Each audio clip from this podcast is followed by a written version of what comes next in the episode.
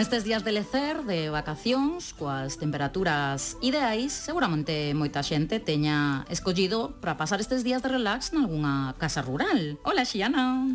Hola Mariana, que tal? a verdade é que sí, é que parece que non pero o turismo rural, que tamén chaman de aventura, de montaña, verde, ecolóxico, alternativo ou mesmo agroturismo, pois está sendo unha importante fonte de ingresos nas comunidades de interior ou aquelas máis alonxadas daqueles puntos máis turísticos ou que máis xente atraen no rural, vamos.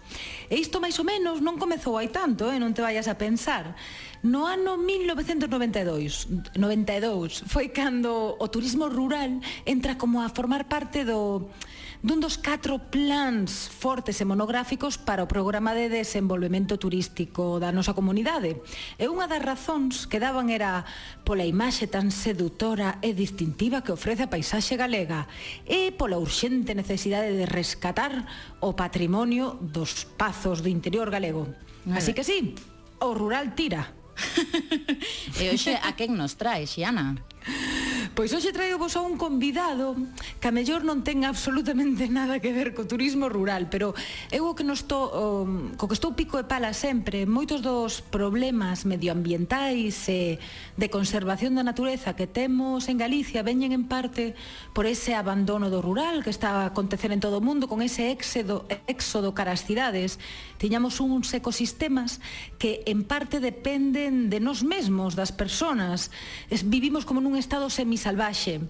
Entón, todas as actividades que axudan a atraer a xente de volta ao rural e que poñen en movimento terras terras e que polo tanto van loitar contra os lumes e van axudar a inxetar cartos nesas comunidades rurais, para min son impactos positivos no medio ambiente. Hoxe traio a un señor ao que admiro un montón que se chama Gerardo Lázara.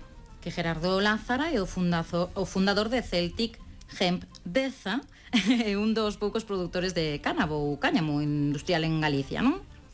Hola, Gerardo. Hola, boa tarde. Boa Nos tarde. Tiana, a ti a todos os ointes da Galega. Mira, antes que nada, polas dúbidas, a ver cales son as diferenzas entre o cánabo e a marihuana.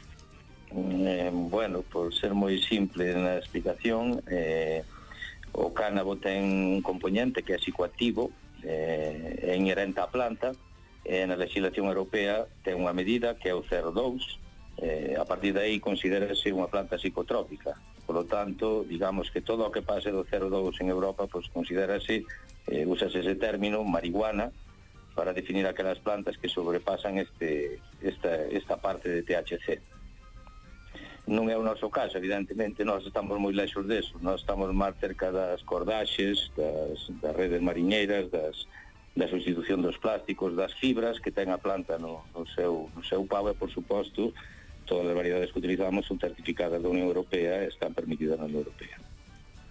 Claro que sí, moi ben. E, e, e por que, Gerardo, por que escolles a produción de cánabo como modo de vida? Bueno, o modo de vida chegamos por unha serie de circunstancias eh, Non sabemos se a que buscábamos nós ou nos chegou así un pouco de, de por, por sorte ou por, Eh, por deronse as circunstancias, eu eh, pertenecía ao sector medioambiental, estaba xa moi concienciado, sempre tuve moita inquietude polo, polo mundo natural, polo, polo medio rural, sobre todo naciendo en Galicia, isto é inevitable, e coincideu co abandono de meus pais da, da explotación gandeira, e a situación de que as terras quedaban un pouco en desuso, eh, decidín facer unhas probas con varias variedades, porque en Galicia dase todo, na primavera dase todo, coa aquelas variedades de valor, non? Eh, chía, quinoa, liño, cáñamo.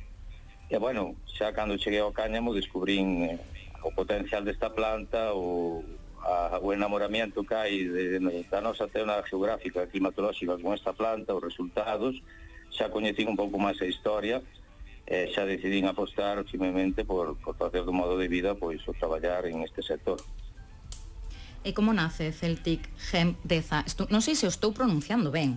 Sí, Celtic Gem, a ver, que o término gen é cáñamo en inglés, que é ah. un término que é moi utilizado mundialmente, todas as eh, empresas do mundo, industrias potentes do mundo suelen acuñar este término, igual que en francés é chambré, eh, en, en, digamos que en español é cáñamo, pero en realidad falamos da mesma planta, non?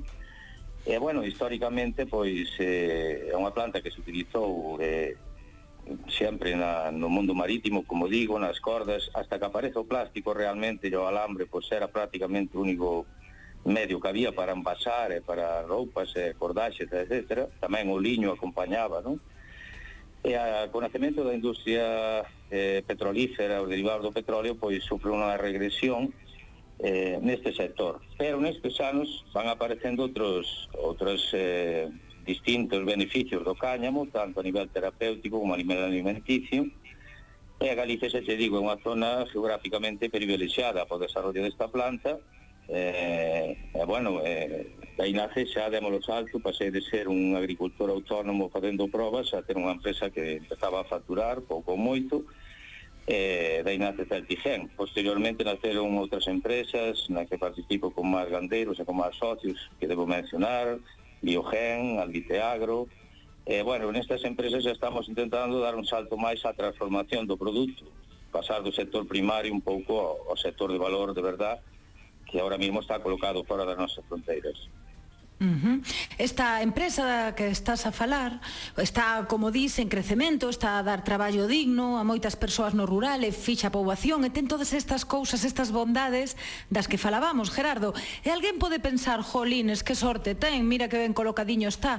Pero foi sinxelo, foi sinxelo chegar ata onde estás hoxe. Vamos, eh, non só non foi sinxelo, non é sinxelo. é dicir, non, non chegamos a ningún lado, estamos en camiño todavía, Eh, estes dous anos pasados foron tremendamente difíciles, tamén o Covid nos afectou moito, tendo en conta que, como digo, aquí non hai transformación, e prácticamente dependemos do cierre de fronteras, porque traballamos todo con países mm. de, da Unión Europea, eh, houve situacións realmente incómodas, eh, tamén xugamos moito con climatoloxía, o sea, Galicia ten moitísimas bondades, pero ten anos extraños como este que chove hasta hasta junio non che deixa entrar nas fincas a sembrar, co cual atrasan sus cultivos. En fin, pero eh, o que sí vemos eh, detectando é que o sector, digamos, final do produto do consumidor final vense a través de cremas, de aceites, de alimentación vegana, de sustitución de plásticos, bioconstrucción, pois sigue en crecemento, sigue demandando este tipo de, de, de plantas. Esta transición ecolóxica, esta planta é vital para, para, este, para este dar este paso. E Galicia, xa te digo, é privilexiada, eso non lo van poder quitar nunca, eh, dependerá de nós que o pagamos mellor ou peor, pero é unha oportunidade importante para Galicia, sin duda. Eh, contanos, eh, Gerardo, como é o, o ciclo de cultivo do cáñamo? Bueno, pois o ciclo basicamente moi parecido porque a xente entende o do millo, o do maíz. Ten un crecimiento tamén rapidísimo, alcanza 4 ou 5 metros en Galicia, digo en Galicia porque só sucede aquí, eh. Eh, eh, sí, é unha zona, porque é unha planta fotoperiódica, por lo tanto, ten todas as cualidades de Galicia e a humedad ambiental para que se desarrolle.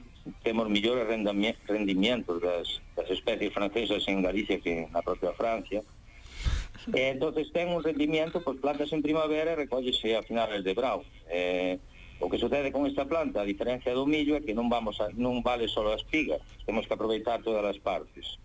É certo que aí tamén temos un hándica, que a tecnoloxía de maquinaria agrícola que hai ahora mesmo na actualidade, en España, eh, que temos que utilizar outras máquinas para, para isto, eh, o, que, o que ten valor da planta pois é todo. O sea, o, o tronco ten as fibras para o textil ou substitución de plásticos, o interior ten a, a parte da bioconstrucción para añadir cualidades térmicas acaricidas á construcción. A flor ten o CBD, que é un mundo, eh, unha revolución mm. farmacolóxica, e as sementes teñen todos os nutrientes que, que pode ter unha semente da natureza, é dicir, eh, son tres componentes que temos que separar e que todos teñen valor. Uh Uh -huh. E ainda por riba estades certificados en ecolóxico, entendo que polo CRAEGA, non? Polo Consello sí. Regulador de Agricultura Ecolóxica de Galicia. Así que levades a cabo prácticas de agricultura ecolóxica. Por exemplo, non usades herbicidas. Sí, é que esta é unha planta que eh, ao ser milenaria adquire unha serie de cualidades, é dicir, ela mesmo se defende de, de prácticamente todo. Eh, non ten enemigos naturales, é olor característico, por exemplo, eh, é para repelente de insectos. Eh, é moi peculiar, eh, este ano se incluímos a colmena na plantación por, para ter un mel de cáñamo, porque eh, só van as abellas. Os outros insectos normalmente pois, é un repelente eh, importante. Non ataca o xabarín, non, non necesita ningún fungicida, insecticida, nin herbicida, porque ela que a súa densidade e o seu rápido crecimiento deféndese desde calquer erva. Por lo tanto, utilizar calquer cousa que non fora ecolóxica sería unha tontería incluso económica, porque para acabar a gastar algo que non, non precisas, non? Entón, é ecolóxica en sí mismo, o único que nos facía falta era certificado, pois foi a chegar ao seu Consello Regulador e certificable, por suposto, ahora xa todo o que facemos pois está certificado en, en ecolóxico polo CREGA, claro. E que necesidades de auga ten? Bueno, é unha planta que absorbe moi ben a humedade ambiental, eh, por eso Galicia é tan propicia, eh, ela prefiere ter a humedad ambiental alrededor, é dicir, estar cerca dun río, dunha superficie húmeda que o propio riego, eh, e despois é como todas as plantas, o sea, se está mellor orientado ao sol dá máis, se ten máis humedad no, no brau, depende como veña o brau, este ano non necesita nada de agua, eh, eh dá millor no agro que no monte como calquer planta, pero bueno, é moi adaptable de feito está por todo, extendida por todo o planeta eh, dar das en, todo, en calquer lado. Vai che dar máis ou menos en función de das milloras de, que teña na terra, claro. Uh -huh. Ou sexa, que o cultivo de cánabo non precisa de herbicida, os abonos, como contabas, non debes botar moito que non sexa fora de, pois a mellor de algún abono animal ou a vegetal, sí, claro. non contaminan, polo tanto, non precisa de auga extra normalmente, inda por riba son alimento para polinizadores silvestres como as abellas, sei que non van as velutinas, logo desde o punto de vista do agroecolóxico soa maravillosamente, pero Gerardo, desde o punto de vista do peto, desde desde o punto de vista económico rende? Eh, a ver, eh, o que ten este, este produto é o canal de distribución que todavía en España, como se digo, non hai empresas transformadoras entonces depende moito de, de comercialización exterior. Eu creo que isto se vai solucionando pouco a pouco porque xa hai empresas aquí intentando dar ese paso pero mentres tanto eh, algo difícil desto de realmente é a comercialización. Eh, se ti vende las distintas partes é super rentable É dicir, en 4 meses nada che vai a dar no agro, date conta que calquer parte da planta da que estamos falando cotizase a euros, non a céntimos. entonces uh -huh. a partir de aí eh, é máis que evidente que, que a planta si é rentable. Pero, mentre non se establezan os claros eh, canales de distribución, os estándares claros de precio, etcétera, etcétera, pues estamos nun mundo todavía que está novedoso en España, en España. Uh Eh, isto iráse, eu creo que asentando, eh, eh, e iso propiciará que haya máis facilidade para que todo o mundo acceda a este sector. Depois, como cultivo é relativamente sinxelo, eh, é moi agradecido, eh, como ti dís, non só eso, é a planta que máis o dos cata da natureza, eh, absorbe metales pesados, o sea, é unha planta en sí mismo desintoxicadora, eh, ten moitas cualidades eh, realmente positivas nos seus produtos derivados eh, a, a niveles importantes incluso farmacolóxicos que polo tanto creo que é un cultivo de futuro. Outra cosa que efectivamente aquí en Galicia está todo por facer eh, bueno, pues estamos traballando pasiño a pasiño. Gerardo, temos que marchar xa. Oh, bueno, xa. É que quedan, claro, tres minutos. Eh, bueno, quedamos media hora máis. Non. Moitísimas grazas por estar eso aquí connosco. A vos, a vos, como sempre. Unha aperta. Unha aperta, un abrazo. Chao. Xana, mm, que imas escoitar? Pois eh, traía así un pouco polo chiste unha canción de Bob Marley Que agora xa sabemos que Bob Marley o que lle dá é a marihuana e non ao cáñamo Bueno, non, se cadra, se... se cadra ambos non sei, non sabemos. pois nada, haberá que marchar, non? Haberá que marchar, Mariana, pero foi interesante, eh? Que sí. É unha boa idea isto do cáñamo. Sí, xa temos empresa. Un bico grande, Xiana, vémonos a semana que ven. Unha aperta, boa tarde. Igualmente.